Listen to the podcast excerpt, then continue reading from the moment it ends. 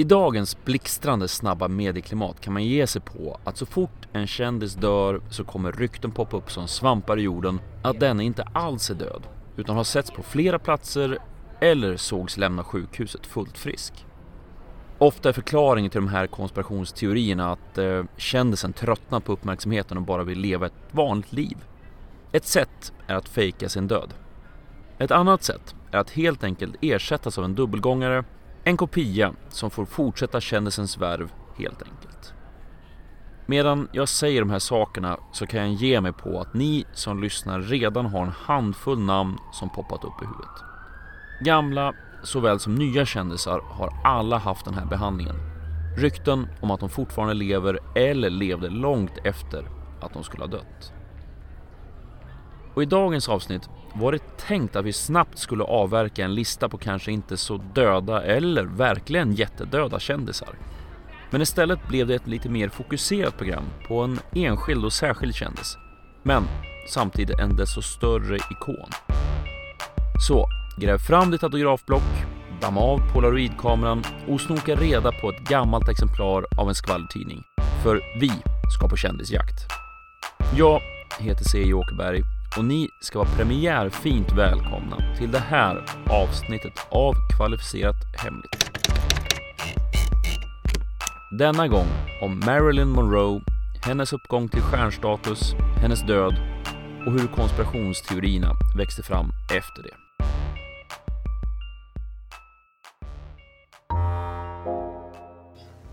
But in spite of these friends in high places, or according to one of our guests today, because of them, Marilyn was found dead in her Hollywood home in 1962. According to Margolis and Buskin, Robert and his brother in law, actor Peter Lawford, employed the physician Dr. Greenson to drug Monroe while they searched for her incriminating diary. And there are even witnesses who testify to the incident. I have to pay uh, the rent where I lived at the Hollywood Studio Club. I was four weeks behind. You know, when he first said, you know, oh, pose nude and other photographers, I said, Hi! Me? Are you kidding? Never. When I was a kid, I used to dream of red velvet. I thought that was, I don't know, but I never thought I'd end up nude on red velvet.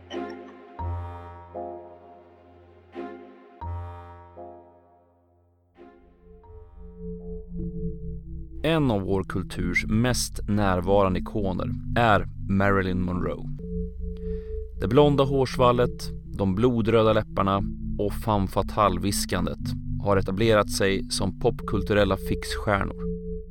Lägg till detta att hon dog i unga år så har man alla ingredienser för en massiv stjärnstatus som håller i sig långt efter att personen fysiskt upphört att existera. Men det hela började högst oansenligt. Marilyn Monroe föddes som Norma Jean Mortensen 1926 till Gladys Pearl Baker och en okänd pappa. Gladys hade inte riktigt medlen för att hantera ett barn själv, varken ekonomiskt eller mentalt. Så hon fann möjlighet att flytta in hos makarna Albert och Ida Bolander i staden Hawthorne, sydväst om Los Angeles. Där eh, togs Norma Jean hand om av paret Bolander medan Gladys jobbade och ganska snart bodde Gladys i Los Angeles på veckorna och kom ut till Hawthorne på helgen. Men även om Albert och Ida föreslog adoption så tog Gladys till slut med sig Norma Jean till Los Angeles 1933 för att bo permanent där, i ett litet hus i Hollywood. Och tyvärr dröjer det inte länge, januari 1934 närmare bestämt, innan mamman drabbas av mentala problem och tas in på institution. Som föräldralös hamnar nu Norma Jean i ett antal fosterhem och skolor och under den här tiden utsätts hon också för ett antal sexuella övergrepp. Vi hoppar fram till våren 1942 då Norma Jean är 16 år gammal. När hennes fosterfamilj måste flytta från delstaten finns risken att hon återigen kommer hamna på barnhem. Och det är för att slippa det som Norma Jean gifter sig med grannens 21-årige son, James Jim Doherty. När James skickas till Stilla havet i kriget mot Japan flyttar Norma Jean in hos sina svärföräldrar och börjar jobba för ett företag som tillverkar radiostyrda målflygplan i Van Nuys. Det är här som hon hamnar framför kameran första gången när bilder ska tas på kvinnliga fabriksarbetare för att öka stridsmoralen hos de styrkor som nu är upptagna med andra världskrigets strider. Norma Jean fastnar för möjligheterna som modell och mannen som fotar fastnar för henne. Så i januari 1945 slutar hon helt sonika sitt jobb i Ben Nice och ansluter sig till agenturen Blue Book Model Agency. Ganska snart ökar uppdragen i antal och under 1945 är Norma Jean med på ett 30-tal omslag totalt. Det är också under den här perioden som hon börjar blondera sitt hår och räta ut sina lockar för att skaffa den look som blev så ikonisk. Via sin agentur får hon möjlighet till kontrakt med filmbolaget 20th Century Fox. Men i den här branschen funkar inte Norma Jean Doherty som namn. Istället tar hon fram artistnamnet Marilyn Monroe tillsammans med sin agent. Fox ger henne ett sex månaders kontrakt till en början i augusti 1946. Det här kontraktet förlängs sen i februari 1947. Kontraktet och arbetet i sig är inget som ses med blida ögon av Monroes make och på hösten 46 skiljer sig paret. När Monroes kontrakt går ut i augusti 47 så ger hon inte upp hoppet om en skådespelarkarriär utan ser till att känna rätt personer i Hollywood för att öka sina chanser till nya roller. Hon lyckas så till slut få ett kort kontrakt med Columbia Pictures under 1948. Men eh, resultatet var bara en film, Ladies of the Chorus, som inte var någon direkt framgång. Och i september samma år går hennes kontrakt med Columbia ut. It's Randy. It's Randy what? It's Randy what? Oh, Randy Carroll. Nice to meet you, Mr. Carroll. Thank you. I've been planning for a week what I'd say when I met you. And what did you decide? I I hadn't decided yet. Monroe, hon återgår till modellandet under en kortare tid. Men inte långt senare, våren 1949, är slumpen framme igen. Den framgångsrika agenten Johnny Hyde ser Monroe under ett fotojobb på Hydes tennisklubb och han blir betagen. Hyde tar in Marilyn Monroe till sin agentur och inleder ett förhållande med henne. Ganska snart har han ordnat två roller som eh, förvisso är små men som ska visa sig ge den skjuts som Monroe behöver för att bli en etablerad stjärna. De två filmerna, Asfaltdjungeln och Allt om Eva, är stora framgångar och blir också en bra plattform för Monroe att visa upp sin räckvidd i sitt skådespeleri. Marilyn Monroe as Angela, the easy living, green eyed blonde. Haven't you bothered me enough, you big banana head? Just try breaking my door and Mr. Emmerich will throw you out of the house. Tack vare filmernas framgång kan nu Hyde förhandla fram ett kontrakt med filmbolaget 20th Century Fox som är på hela sju år. Men bara några dagar efter att kontraktet är påskrivet och klart avlider Hyde i en hjärtattack. Monroes stjärna växer under början av 50-talet. Hon är med i flertalet filmer, både dramor och komedier. Hennes stjärnglans är så pass stark att hennes karriär överlever när en kalender med pinupbilder från 1949 publiceras. Snarare så förstärker det bilden av Monroe som sexsymbol. Men i takt med framgångarna börjar Monroe också skaffa sig divalater under inspelningarna. Scener ska tas om, manus ska ändras och en skådespelarcoach ska alltid närvara. Det är även under den här tiden som Monroe börjar använda sig av droger som barbiturater, amfetamin och alkohol för att kunna hantera sin scenskräck och lågt självförtroende. Under 1953 släpps så två filmer som kom att cementera Marilyn Monroe som ett blont bombnedslag men också typecastade henne som den dumma blondinen. I filmen Niagara hade Monroe tillsammans med sin sminkör Alan Whitey Snyder utarbetat den numera ikoniska looken som Monroe för alltid kommer minnas med. Blont hår, mörka ögonbryn, blek hy, glänsande röda läppar och en mors, ett skönhetsmärke på kinden. Tillsammans med det faktum att hon spelar en femme fatale gjorde filmen sitt bästa för att sälja in Monroes sexapil. I Gentlemen Prefer Blondes spelar Monroe dansaren Lorelei Lee, en lycksökerska som försöker slå klorna i en rik sugar daddy. Och det är i den här filmen som hon berättar vem som egentligen är kvinnans bästa vän.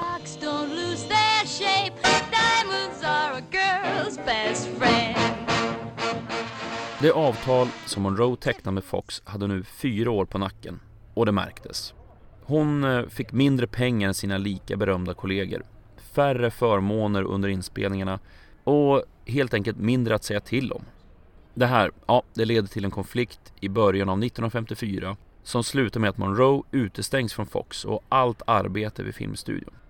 Men det här tas inte sittande ner av stjärnan. Istället gifter hon sig med sin pojkvän vid den här tiden, superstjärnan inom baseball, Joe DiMaggio, och åker till Korea för att underhålla amerikanska soldater vid fronten.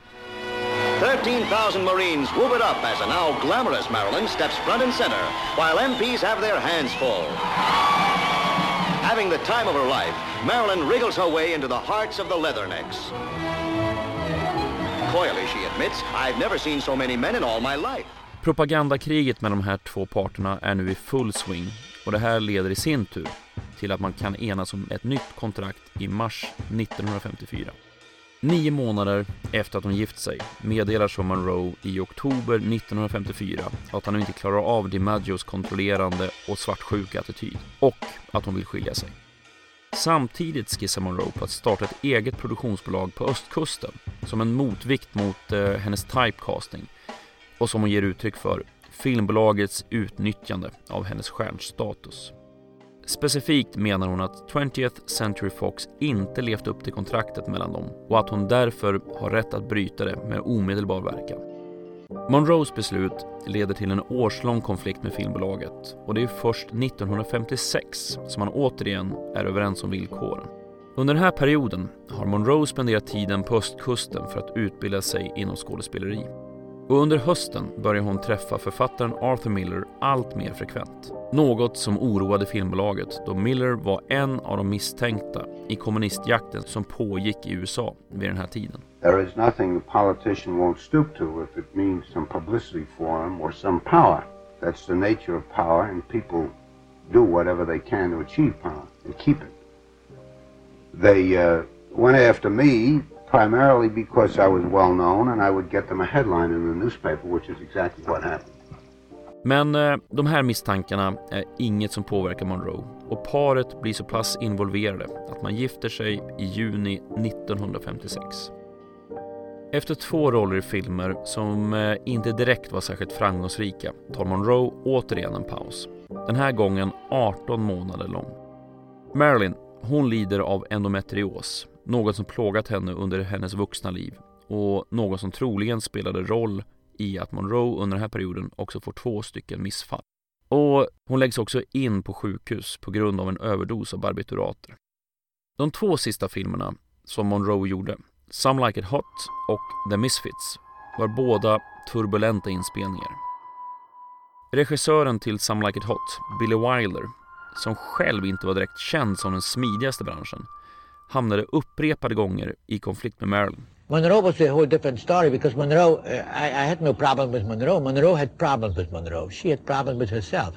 She was, uh, she was slightly uh, discombobulated at all times. She had great difficulties to concentrate. Something was always biting her, eating her. Um, and it was like pulling teeth, you know. Filmen, ja, den var en stor framgång, men eh, det fanns inte många snälla ord som Monroe hade till övers för produktionen. Och under inspelningen av The Misfits hade Monroes missbruk av bland annat barbiturater lett till rykten om att sminkörerna fick påbörja sitt arbete medan stjärnan fortfarande var utslagen. Äktenskapet med Miller var de facto över under inspelningen av Misfits 1960 och paret fick ut skilsmässa i januari 1961. Efter äktenskapet dejtade Monroe bland annat Frank Sinatra men eh, började till slut umgås med exmaken DiMaggio igen. Ett antal projekt var uppe för diskussion för Monroe att spela roller i, men eh, ingen av de här diskussionerna kunde avslutas. Delvis på grund av strandade förhandlingar, men också på grund av Marilyns hälsoläge och depressionen. Stjärnans sista stora framträdande var när hon sjöng Happy Birthday till John F Kennedy i Madison Square Garden i maj 1962 iförd en iögonfallande hudfärgad klänning fylld med paljetter. Happy birthday to you.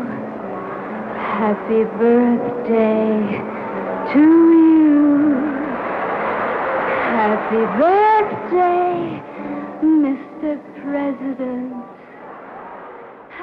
20th Century Fox och Monroe har legat i konflikt under 1962 så till den milda grad att Monroe blir stämd för kontraktsbrott. Under den här perioden ägnar filmbolaget sig också åt att sprida rykten om att stjärnan var mentalt störd. Men trots stämningen och ryktespridningen lyckas man återigen hitta gemensam mark, upprätta ett nytt kontrakt samt planera nya filmer. Tack vare den här uppgörelsen får Marilyn Monroe spendera tiden under den här sommaren med att göra publicitet för att reparera sitt varumärke genom intervjuer och fotosessioner. Marilyn bor under den här perioden i ett hus i stadsdelen Brentwood i Los Angeles.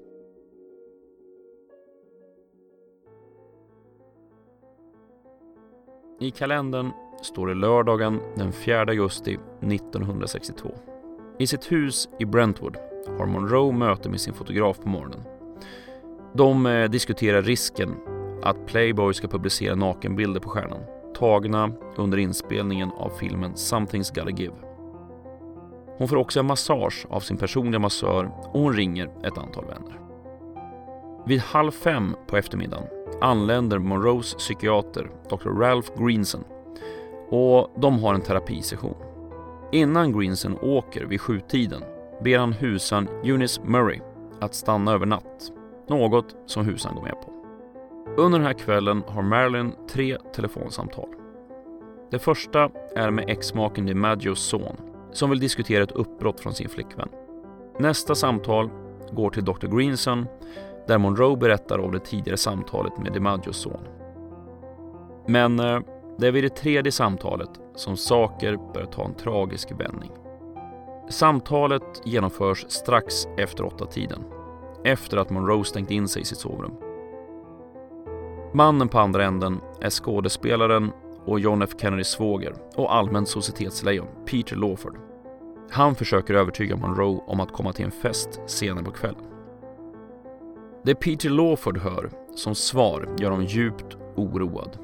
Monroe är släpig, okoncentrerad och rent krast hög.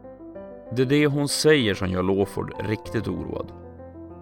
Marilyn säger åt honom att han för Monroes räkning ska säga hej då till Lawfords fru Pat, presidenten Kennedy och Peter Lawford själv eftersom han är en nice guy. Därefter lägger Monroe på luren. Lawford blir, föga förvånande, lite bekymrad och försöker ringa upp Marilyn igen. När han inte får något svar hemma i Monroes hus i Brentwood ringer han sin agent Milton Ebbins. Ebbins försöker i sin tur få tag på Monroes psykiater Dr. Greenson och försöker sedan med Monroes advokat Milton A. Ruddin när psykiatern inte svarar. Monroes advokat får i sin tur till slut tag på Husan som svarar att allting är lugnt i huset. Men sent på natten, runt tre-tiden, vaknar så Husan Murray och ser att det fortfarande är tänt i Monroes rum. Hon knackar på men får inget svar och dörren, den är låst. Husan lyckas få tag på psykiatern Dr. Greenson som ber Murray att titta in genom fönstret in i sovrummet. Efter att Husan sett Monroe i sängen livlös åker Dr. Greenson över till huset och tar sig in i sovrummet. Väl där konstaterar han att Marilyn Monroe är död. Men för att göra det hela på rätt sätt kontaktas Monroes läkare som formellt kan dödförklara stjärnan 10 i 4 på morgonen. En halvtimme senare kontaktas så polisen i Los Angeles. En obduktion genomförs samma dag och man slår fast att Monroe avled någonstans mellan 20.30 och 22.30 samt att dödsorsaken var en massiv överdos av barbiturater.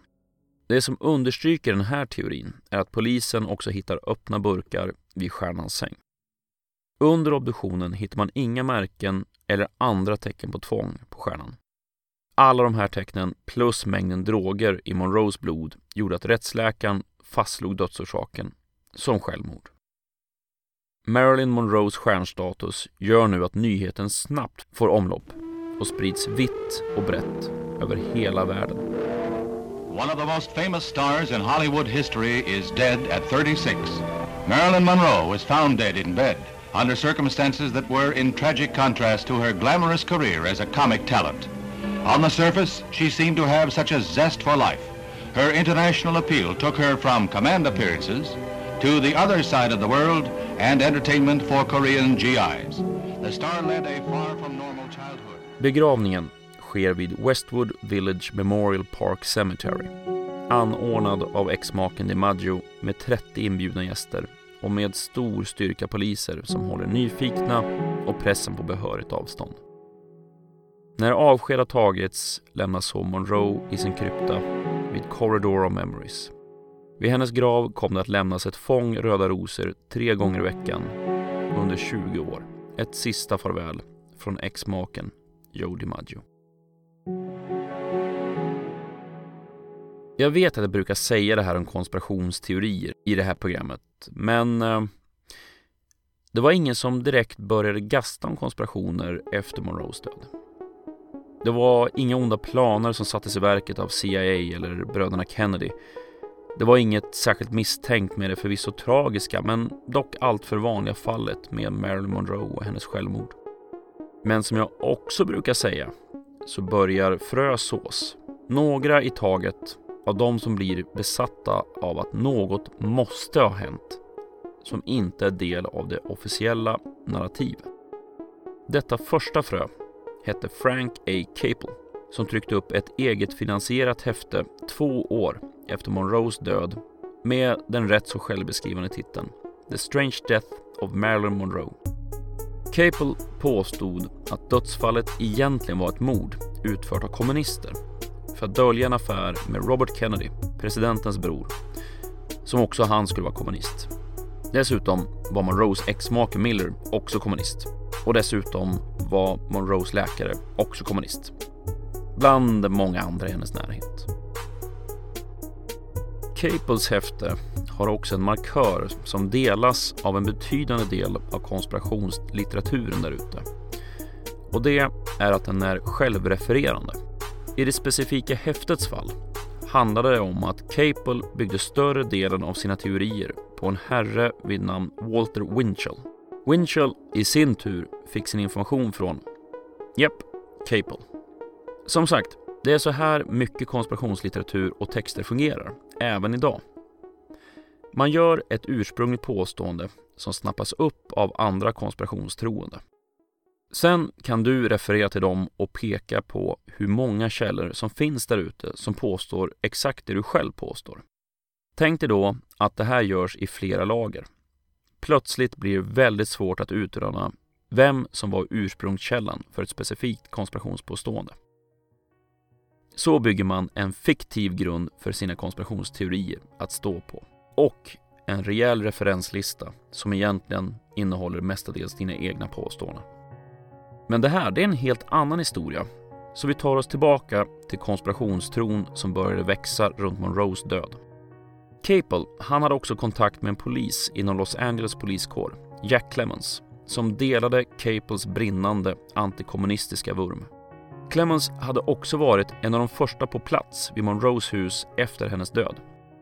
Han rapporterade inget konstigt vid hennes död, men långt efter utredningen så ska Clemens ha kommit med helt andra uppgifter om vad han såg i huset. Som att husan höll på att tvätta sängkläder och att något med hela scenen var helt enkelt off. Clemens tillhörde en organisation med brandmän och poliser vars uttalade syfte var att exponera organisationer som eh, gruppen ansåg var ute efter att förstöra USAs samhälle och kultur. Troligen var det den här gruppen som låg bakom ett brev som FBI mottog under 1964 som påstod att det fanns bevis för en relation mellan Marilyn Monroe och Robert F Kennedy, bror till presidenten Kennedy och justitieminister vid den här tiden. Det går inte att fastslå med total säkerhet, men eh, troligen är det från det här tipset som FBI har gjort en koppling mellan Monroe och bröderna Kennedy. Och om man ska adressera relationen mellan Kennedy-bröderna och Monroe så kan man säga att det finns tecken som tyder på att filmstjärnan hade en flört både med John och med Robert. Men ju djupare man försöker göra relationen, desto mindre bevis och stöd finns det för det här. Under 60-talet händer inte så mycket kring just de här konspirationsidéerna. Capels och några skribenter med honom får eh, ingen direkt spridning för idéerna utan de håller sig till den absoluta ytterkanten av skvaller vid den här tiden. Annat ljud i skällan blir det när författaren Norman Mailer ger ut boken Marilyn A Biography 1973. I boken hävdar Mailer att Robert Kennedy och Monroe hade en långtgående affär och att antingen FBI eller CIA hade henne dödad för att på så sätt sätta dit Kennedy-bröderna. Why? This is opinion entirely. It's my opinion. It, it is based on no evidence whatsoever that I have. It is my opinion. What motivation? They would have had huge motivation, which is why I think it is, it's remotely possible and can't be ignored. They would have this huge motivation because it would have been no profounder way to embarrass the Kennedys than to have had Marilyn Monroe found dead, apparently a suicide, and apparently for love Of whom? of Bobby Kennedy, which was the gossip that was going in Hollywood at that time. Although it is my belief that they were not having an affair. Men trots de här kittlande och eh, inkomstbringande påståendena gör Mailer redan samma år avbön i nyhetsprogrammet 60 minutes och berättar att han kryddade upp boken för att han visste att det skulle få uppmärksamhet och att han behövde pengarna. Den här stenen med konspirationsteorier kommer nu i allt snabbare rullning och böcker kommer ut med jämna mellanrum som påstår ungefär det som tidigare böcker gjort. Att en eller båda bröderna Kennedy hade en affär med Marilyn Monroe och att hon mördades av säkerhetstjänsten för att antingen få tyst på henne eller för att sätta dit presidenten och dennes bror. Det här blir så pass omfattande att eh, distriktsåklagaren i Los Angeles, John Vanderkamp, tar upp frågan för att se om det finns skäl för en ny utredning. The Los Angeles County District Attorney's Office said today Marilyn Monroe's suicide in 1962 is being reinvestigated because of her missing diary and because of allegations that the death certificate signature had been coerced. Det här förarbetet genomförs 1982 och slutsatsen är föga förvånande att nej, det finns inte skäl att dra igång någon ny utredning. Uh, we once in a while bumped into information that would cause us to think we might be on the trail of something, and in each case that panned out to be nothing whatsoever. So at this stage, on the, on the basis of the information we've seen, there is no justification in my mind, uh, and I think on the part of our Bureau investigation as well, uh, to go forward. Och därmed tar den officiella delen av Marilyn Monroes död slut. Medan på konspirationsfronten fortsätter komma böcker som återvinner de påståenden som Capel och Company kom med redan på 60-talet. I det här tidevarvet som vi befinner oss i är det numera vardagsmat att inte bara kända människors dödsfall leder till konspirationspåståenden. Kändisar och andra välkända namn tas av bildlig daga och blir virala nyheter i tid och otid. Så det faktum att myterna kring Monroes död frodas även i våra dagar är eh, ingen direkt överraskning. På samma sätt som myterna kring mordet på president Kennedy sitter i kommer vi nog ha svårt att komma undan det faktum att ett tragiskt självmord utmålas som allt annat än just det. Du har lyssnat på Kvalificerat Hemligt, en poddradio om konspirationsteorier och vetenskap. Länkar till musiken, videoklipp och annat som nämns i programmet återfinns på programmets hemsida, khpodden.se. Jag heter C. Åkerberg och tack för att du har lyssnat.